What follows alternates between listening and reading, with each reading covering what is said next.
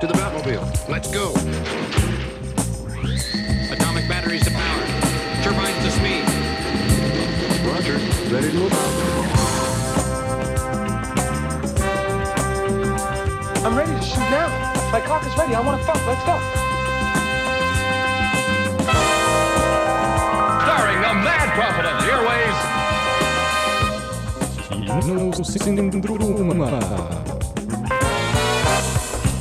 Heyo! Det er Kinosyndromet. Eh, Det er nok en nydelig torsdag i Bergen, og når det er torsdag, er det på tide å snakke om film. Jeg heter Tora Annes. Med meg i studio i dag så har jeg Henrik Rugesæter. og, Lovise Altmann. og vi har mye spennende å snakke om i dag. Ja, det har vi. Eh, Vi skal innom ukas premiere, som er Hail Cæsar.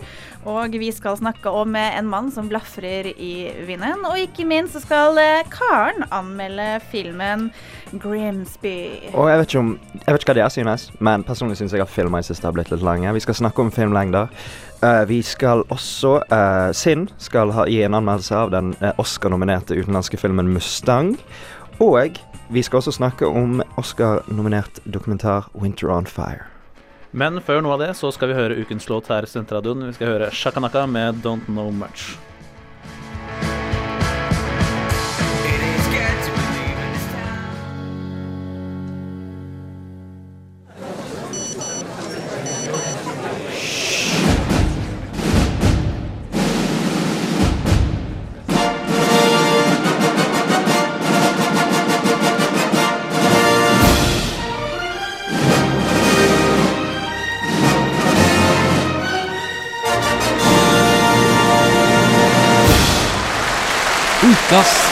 Premiere!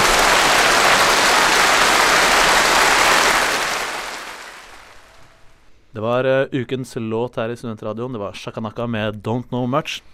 Denne uken har det kommet eh, det jeg vil kanskje si er en storfilm som har sneket seg litt under radaren, som jeg liker å si. Eh, det er en film som jeg er veldig overrasket av at den har kommet ut på denne tiden av året, sånn rett før Oscar, når de fleste filmer som kommer på kino av premiere nå, egentlig bare forsvinner litt i mylderet. Det er sant. Men det er uh, nyfilmen til Joel og Ethan Cohen, 'Hail Cæsar', som er uh, stjernespekket affære. Henrik, eh, hva, hva handler den filmen om? Det handler om en karakter spilt av Josh Brolin, som er, jobber som en slags Hollywood fixer, som det blir beskrevet. ehm, hvor, som har som oppgave om å løse problemer for et større studio som heter Cap et fiksjonelt større studio som heter Capital Pictures.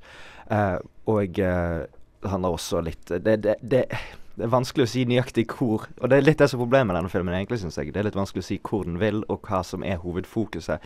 Men det er en kidnappingshistorie inni der et sted. Hmm, sa det greier. uh, det her er, det er en komedie, og vi har jo sett komedie fra Cohen-brødrene før. Uh, kanskje mest tydelig uh, 'Burn After Reading', som kom i 2008, om jeg ikke tar feil. Yeah. Og jeg føler de filmene er litt like, på samme måte at de er veldig tullete. Men har de så mye for seg, egentlig? Jeg føler den filmen her For det er en film om altså, studiosystemet på 50-tallet og sånn. Jeg føler denne filmen er veldig lik som de filmene de lager i filmen. Jeg skjønner, Det blir nesten litt meta. Ja, den er veldig glossy, Ja. og den har liksom denne sånne softe Skal vi si sånn gløden ved seg, på en måte. Og det er jo selvfølgelig gjort med vilje.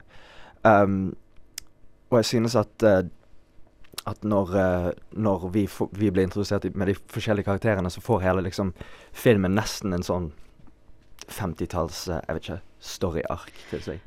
Men uh, uh, den hadde jo et budsjett. En ganske høyt budsjett. Hanne, Ja, uh, Den hadde jo 22 millioner. er det så mye? Eh, ja, jeg syns det er ganske mye for en film som kanskje ikke har fått så mye gode reviews fra andre.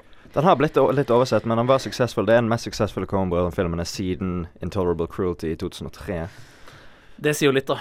Ja, fordi de har jo gitt ut så sykt mange filmer nå, ikke, med bl- bl- blant annet Josh Brolin, også, som spiller i denne filmen òg.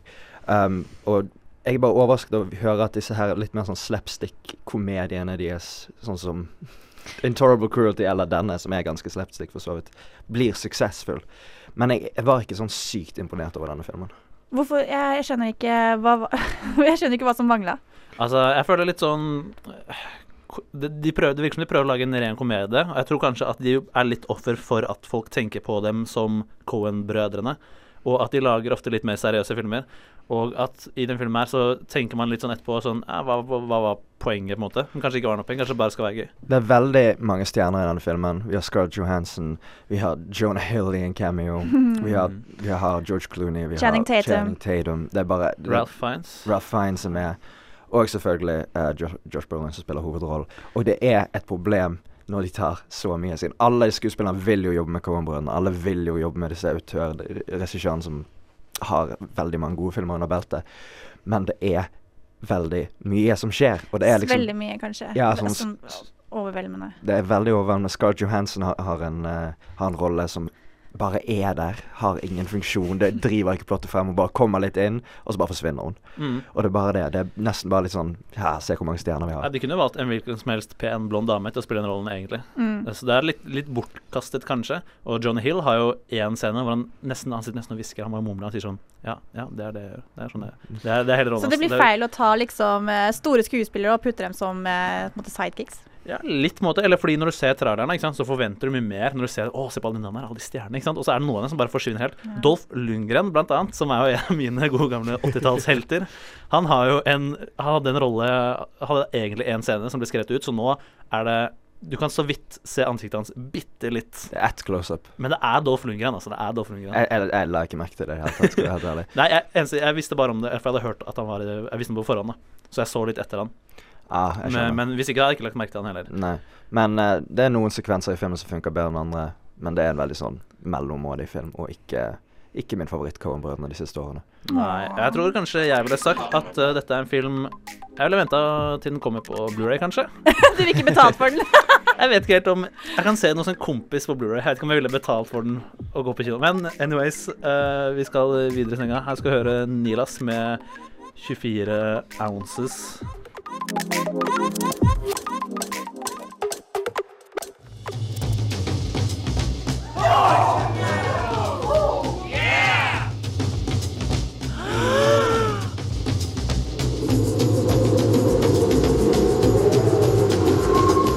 Kinosyndromet presenterer I vinden! Du hørte Nilas med 24 ounces. Eh, I vinden, det er da vi i Kinosyndromet tar for oss en eh, person som har mye, mye på gang for tida. Mange jern i ilden. Mange baller i luften. Og denne uken Denne uken er det Josh Brolin, som vi nettopp snakket om, eh, aktuell med Hale Cæsar, den nye Cohen-filmen. Eh, de siste åra har han også vært med i Everest og Sicario. Og han er en litt fyr som jeg på en måte Det var en stund hvor jeg følte at jeg skjønte meg ikke helt på Josh Brolin. Fordi han har en sånn veldig casual, tilbakelent stil, eller hva tenker du? Henrik? Nei, jeg er helt enig, liksom. Og han har for så vidt det er bare sånn Han har alltid vært sånn litt i bakgrunnen og vært litt anonym i karakteren. Og så kom jo selvfølgelig No Country. Og siden da så har jeg bare følt han alltid har vært Han har bare, hatt, han har bare vært skikkelig i i hugget i det siste. Og han har jo vært med i utrolig mye filmer. Han var jo også med i Guardians of the Galaxy. Ja, ukreditert. Ja, det var bare stemmen til uh, bad guy Thanos. Kun, knøttliten rolle. Men du snakket om altså, No Country, No Country for Old Men av uh, Coen-brødrene. Ja, fordi det er liksom Siden nå med Hail Caesar og No Country for Old Men, så det eneste De er begge to Coen-brødre-filmer, selvfølgelig.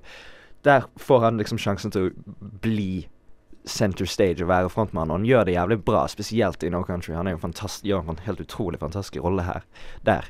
Men bare det siste året med disse utgivelsene, sånn som Everest Sicario, så har han også vist at han liksom Mm. Ja, altså, jeg, jeg tenker at Han er jo på en måte ikke Han har aldri vært en leading man. Så eh, Jeg snakket om det litt tidligere, at det er aldri noen som sier sånn Å, nå kommer det en ny Josh Brolin-film. Det, det er ingen som sier det. Så, på samme måte som man sier nå kommer en ny Tom Cruise-film, f.eks. Det, det, er, det tror jeg er fordi at han alltid har denne her gode birollen. Han har aldri den gode hovedrollen, hvis du Mm. skjønner hva jeg mener. Han- Han er ikke en A-kjendis, men heller ikke en B-kjendis. Sist jeg husker at han hadde hovedrollen Eller hadde jo for hovedrollen i No Country for Old Men. Da. Ja, ja, men men eh, jeg, jeg vet ikke om dere husker den filmen men Jonah Hex, husker du den? Fra 2010? Ja, han spilte Jonah Hex, ja. Uh, basert på tegneserie Jonah Hex, og den var bare megaflopp. Jeg tror kanskje det er litt sånn han, jeg, jeg vet ikke om han klarer å bære en film helt alene. Jeg er helt enig, fordi det er grunnen til at han på en måte kan mestre sin Jeg synes ikke at han er sånn spektakulær frontmann i Hale Cæsar, men i No Controlled Men så hjelper det utrolig å ha Javier Bardem og Tommy Lee Jones i Mm. nesten tilsvarende hovedroller, liksom. Det er jo nesten tre hovedroller i den filmen. Egentlig. Det var jo Javier Bardem og Tommy Lee Jones folk snakket om som på skuespillersiden da når uh, award season kom. det, Ikke sant? Det var jo ikke Josh Brolin. Det er Og det er jo litt samme i Hail Caesar, at der er det jo et veldig stort sånn ensemble-cast. Det er jo Mm. så sykt mange andre, og han er ikke i alle scenene. Så han får my mye hjelp, da, kan du si. Ja. Og det er det han, han trenger, føler jeg. Mm, men jeg syns han har vært bra siste året, i både i Everest og i Sicario. Han, eh, han, jeg føler han spiller ofte sånn folk som er litt sånn, litt sånn gamle autoritære gubber, nesten. Mm, men ikke den mest største variasjonen i, i, i karaktergalleriet hans, da. Nei. Uh, jeg kan veldig godt si Han spiller han er litt sånn gammel uh, Ikke inndrukket, opp å si, men sånn uh, godt brukt CIA-mann, hvis du skjønner hva jeg mener. Ja. En fyr som har opplevd livet litt, da. Livsvant. Ja, eh, jeg vet ikke om dere vet det her, men han ble jo tilbudt rollen som Batman i den nyeste Batman versus Supermann-filmen. Som igjen beviser hvor stor han egentlig er. Men Så, ja. hvor oversetter han det på? Ikke sant? Han er alltid nesten- second best. Han hadde nesten, så kommer han eh, Ben Affleck. Ben Affleck og tråkker over. Men han skal være med i den nye Avengers-filmen, ikke sant? Ja, han skal spille Vi snakket om tidligere, han spiller Thanos. eh, Thanos. Fra, ja. Right, fordi Guardians of the Galaxy eh, I Avengers eh, Infinity War part 1, som eh, kommer neste år, om jeg ikke tar feil. Mhm. Eh, Der skal Guardians of the Galaxy karakterene komme til jorden, er det det? ja, det er nok noe sånn altså, Helt ærlig, hele MCU-greia er så Det er så rotet. Jeg, jeg tror jeg har sett alle filmene, men jeg er ikke helt sikker engang, for det kommer så mange. Men uh, han, Josh Brolin han har jo også spilt uh, i uh, W-filmen om uh, Bush. Og da han ble tilbudt denne rollen, så sa han 'hvorfor skal jeg gjøre dette mot min karriere'? Det var jo det var, det var rett, rett etter uh, No Country, ikke sant? Ja, det var rett etter. Men hva, hva mente, mente han liksom med det at uh, Å, fordi Bush er så jævla mektig fyr at han kommer bare til å sende meg ut av Hollywood, eller hva? Jeg tror det var mer sånn folk hater Bush. Hvorfor skal vi Hvorfor skal han risikere karrieren sin? Hvis folk hater Bush, så kommer de til å elske han. Fordi, ja, men, jeg vet ikke om dere har sett den, Fordi det er jo ikke en film som Jeg har ikke sett den, men jeg vet at det er jo ikke en film som hyller Bush på noen måte. Den er veldig kritisk mot Veldig Bush. kritisk. Så jeg vil heller tro at han uh, får uh, props for det. Muligens. Ja. Um, ja. Josh Brolin, jeg, jeg liker han. Jeg håper vi ser mer av han i uh, fremtiden. Vi skal videre i sendingen vår. Vi skal høre ei låt, og når vi kommer tilbake, skal vi høre karen som har sett nye filmen til Sasha Baron Cohen, Grimsby. Men først skal vi høre No Sue med Spirit Beat.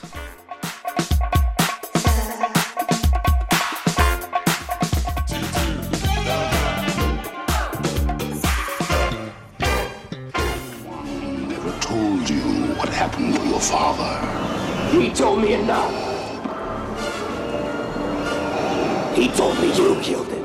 No, I am your dad. Nei, kutt, kutt, kutt. Det er I am your father. Ok, vi tar det en gang til på toppen. Du hører på Kinosyndromet. Action.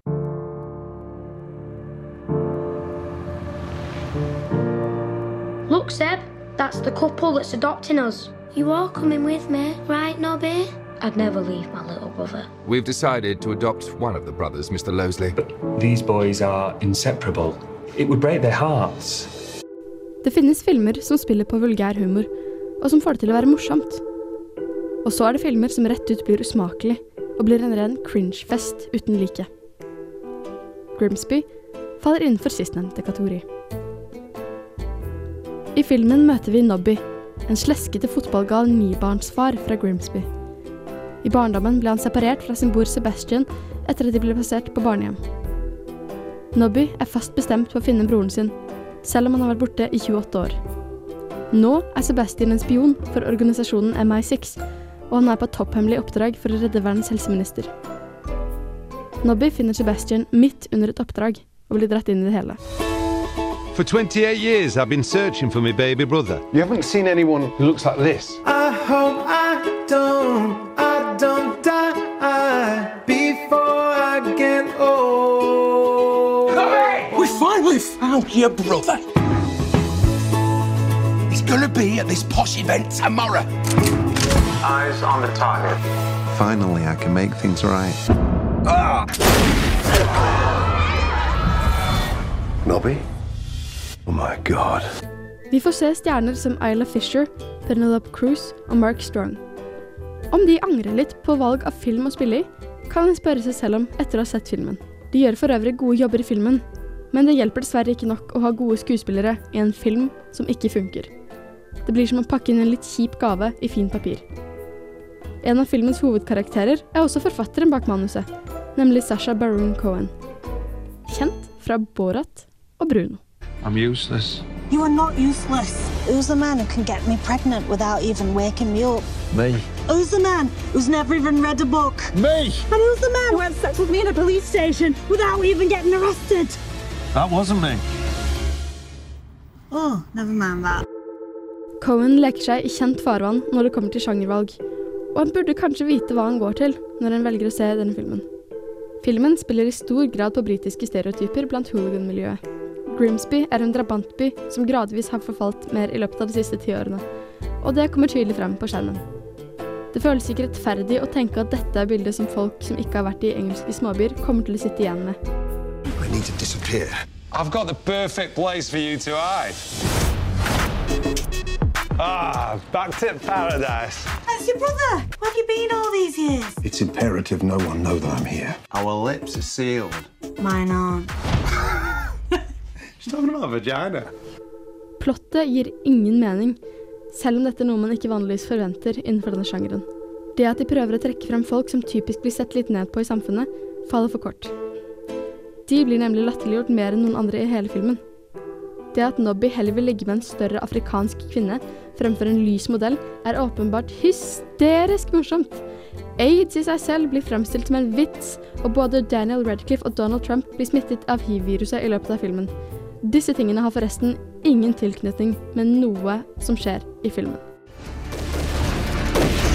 That pellet was filled with a toxin, and I'll be dead in 90 seconds if you don't suck it out. You can suck it, or you can let me die. Okay. What would you like written on your gravestone? Suck it! And in what font would you like that? Når dette er sagt, finnes det momenter i filmen som skinner gjennom som mer tålbare og nesten morsomme. Om du synes at Borat og Bruno-filmene var morsomme, så kan det hende at denne filmen er for deg. Hos meg traff den dessverre ikke helt blink. Filmen har norgespremiere den 26. februar og har fått aldersgrense 12 år. I understand why you love guns so much. I mean, it completely detaches you from the guilt of your actions. Oh, will you stop shooting everything? Jeg syns egentlig at Hobbiten var bedre enn Ringenes herre. Boo, you whore. I kinosyndromet kan du mene hva du vil.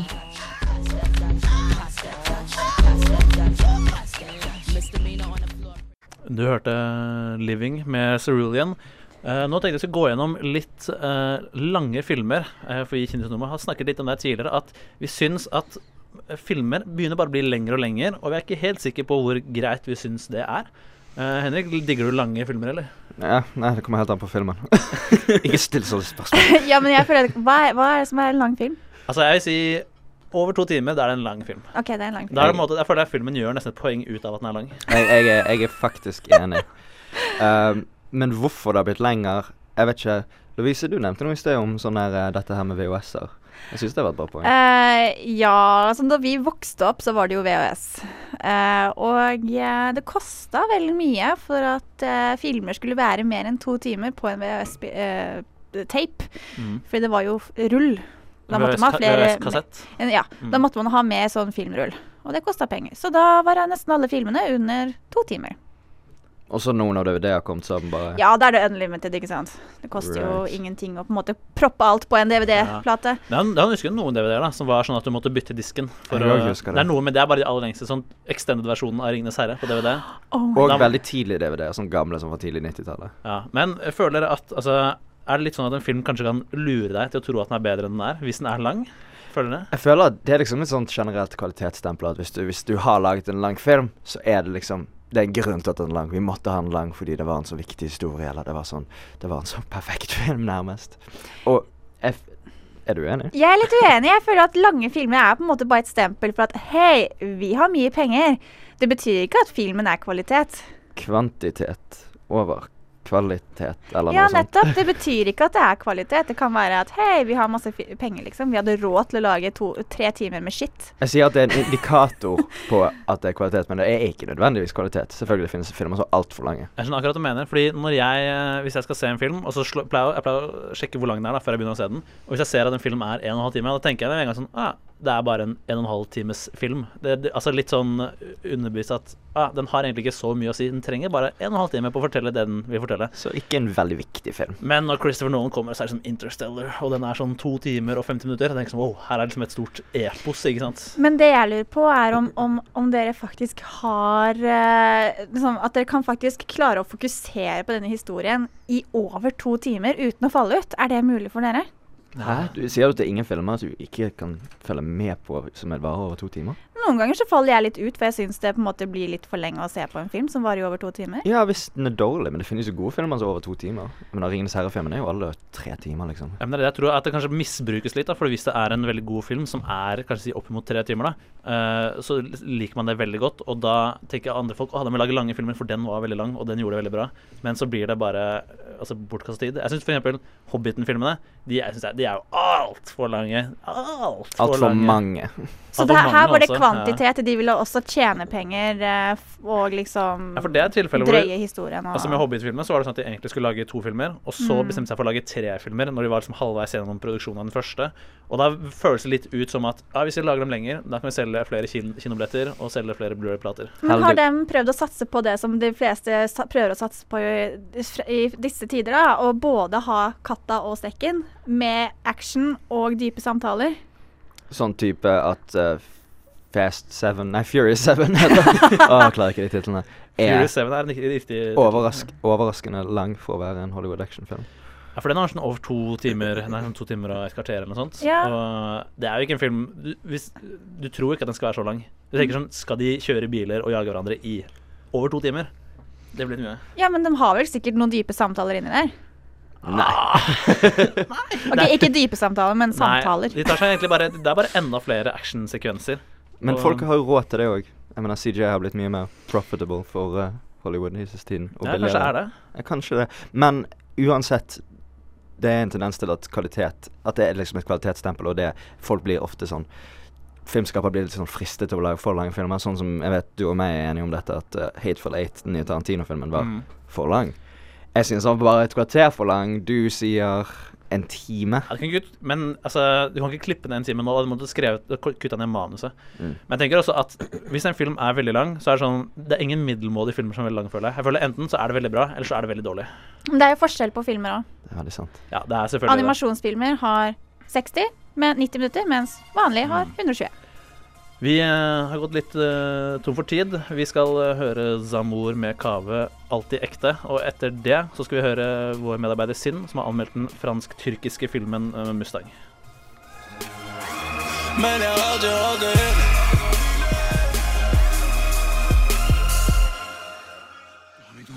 Kom igjen! Birkebeinere! Du må komme oss over fjellet før det blir mørkt! Hei, jeg heter Jakob Oftebro, og du hører på Kinosyndromet på Studentradioen i Bergen.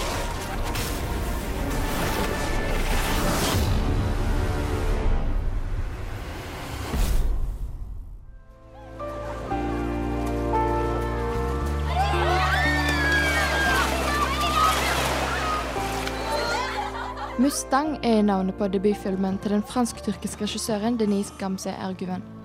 Dramaet dreier seg rundt fem unge søstre i en tyrkisk landsby som mister foreldrene som barn, og som siden har blitt oppdratt av bestemora. Etter å ha blitt oppdaget i en harmløs lek med gutter ved stranda, begynner forankringen av jentenes frihet. Dørene blir låst, vinduene får etter hvert sikkerhetsgitter, eiendeler som datamaskiner og upassende klær blir fratatt, og de får ikke lenger gå på skole. Sammen med onkelen deres bestemmer bestemoren seg for at det er på tide at jentene blir giftet bort, og mot sin vilje.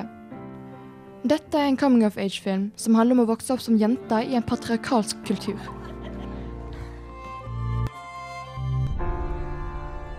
Introduksjonen av hovedkarakterene er full av fnisende jenter, leken dialog og løping langs stranden. Det høres muligens litt klisjé ut når jeg sier dette høyt, men det er faktisk veldig vakkert når man får se det. Yngstesøster Lale, som er spilt av talentfulle Gunesin Soy, er fortellerstemmen gjennom hele historien. Og søstrene, som alle spiller som nokså ukjente unge skuespillere, har alltid glimt i øynene og spiller med varierende grad alt i alt råbra og en fantastisk kjemi mellom seg. Sensøy, som er den som får mest tid på skjermen og som har flest replikker, spiller med en sterk troverdighet og har en barnslig sjarm ved seg. Sammen med Ayberk Bekan, som spiller Errol, altså onkelen deres, gir de liv til de definitivt sterkeste rollene i filmen. Eğer beni ondan başka biriyle evlendirmeye kalkarsan çığlığı basarım. Ne diyorsun sen? Cinematografien er nydelig. Det er som å se smør gli rundt i en varm panne. Ikke bokstavelig, men det er deilig og det er flytende.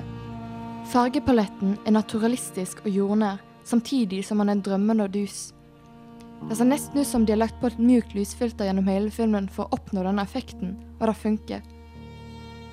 Cinematografene har klart å fortelle med kamerabevegelser og valg av utsnitt hvordan huset blir mer og mer som et fengsel, og hvor klaustrofobisk det blir etter hvert. Den er òg overraskende spennende, noe som stiger i takt med hvor innebura søstrene blir. Skuespillerne har en reell tilstedeværelse og er fulle av personlighet. Karakterene i filmen virker ekte, og jeg sikter da spesielt til portretteringen av kvinner. De gjør opprør, bryter ut av noe de mener ikke er rett, og står opp for seg sjøl. Å se sterke kvinner på film er fortsatt veldig sjeldent, og det er nettopp det som gjør Mustang så sinnssykt bra. Den er et etterlengta friskt pust i filmens verden.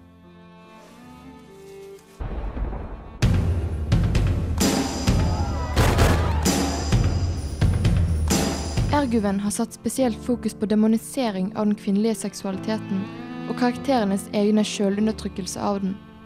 Søstrene ble lært opp hjemme om hva som må gjøres for å bli en god kone, om hvor viktig det var jomfru, og hva som forventes av dem når de blir gift. Samtidig lurer noen seg ut med kjæresten sin om kvelden, og andre har sex i biler med fremmede.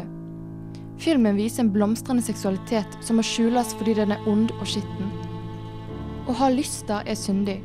Manusforfatteren har beskrevet en kultur der jomfruhinna visstnok er viktigere enn kjærlighet, og kom med et tydelig stikk til hvordan denne konservative kulturmoralen lenker ned en naturlig del av en kvinnes utvikling, og til kvinnesynet generelt.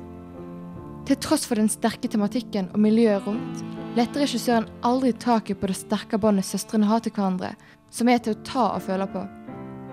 Mustang handler i bunn og grunn om heltemot. Dette er en viktig film, og en absolutt briljant debut. Buradan the istemez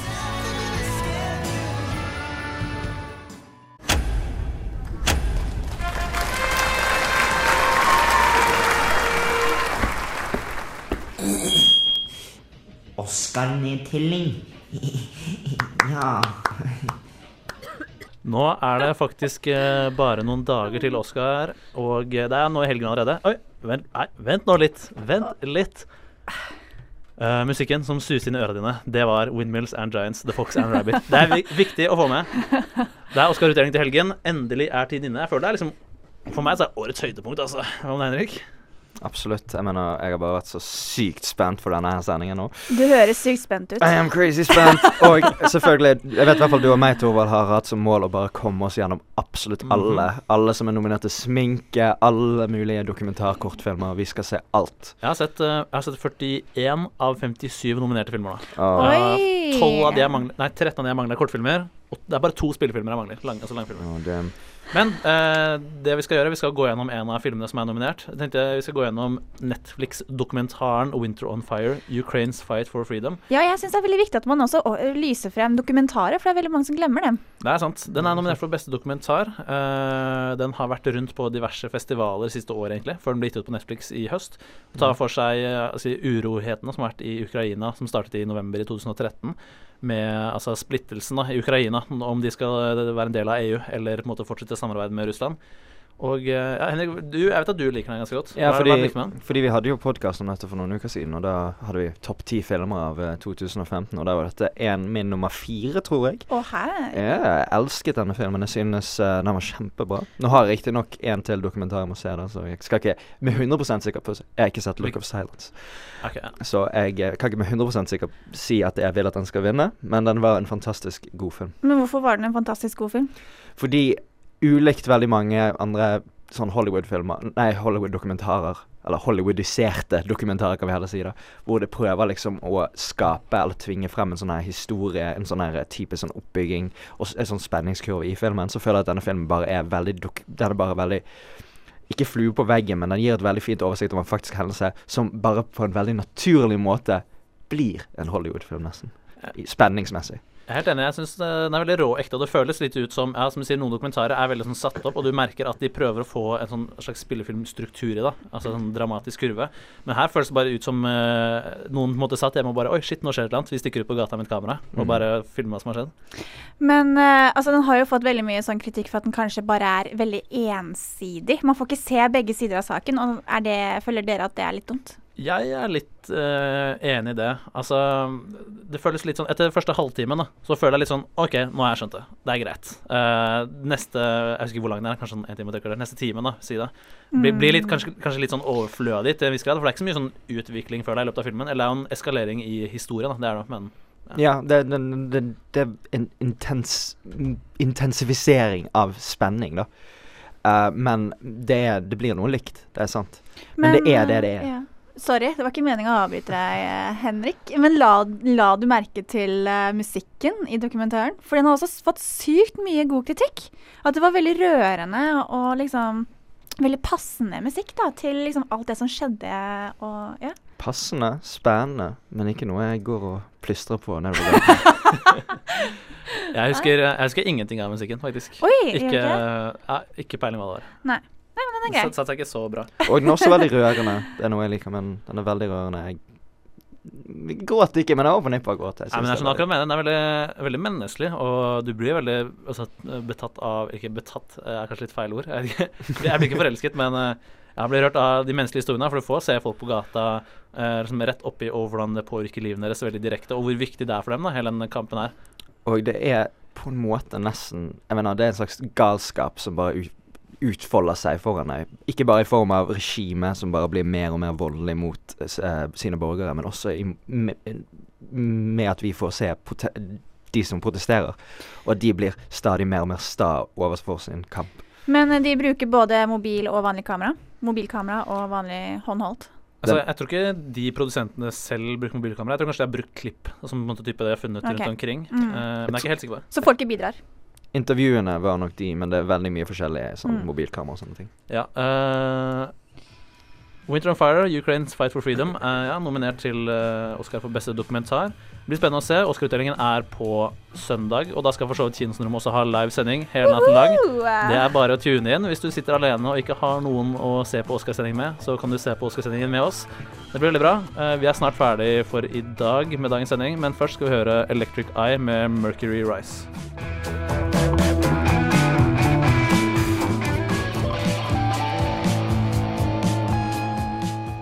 Conclude this evening's entertainment.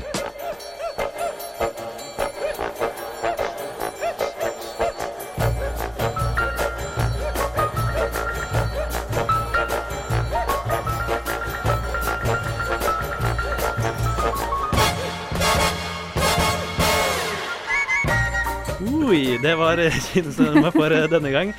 Vi har eh, gått gjennom mye bra i dag, syns jeg. Henrik, hva har du snakket om? da? Vi har snakket om uh, den nye Oscar-nominerte dokumentaren 'Winter on Fire'. Vi har også snakket om uh, Vi har også gitt en veldig fin anmeldelse av 'Mustang', som er også nominert for Oscar.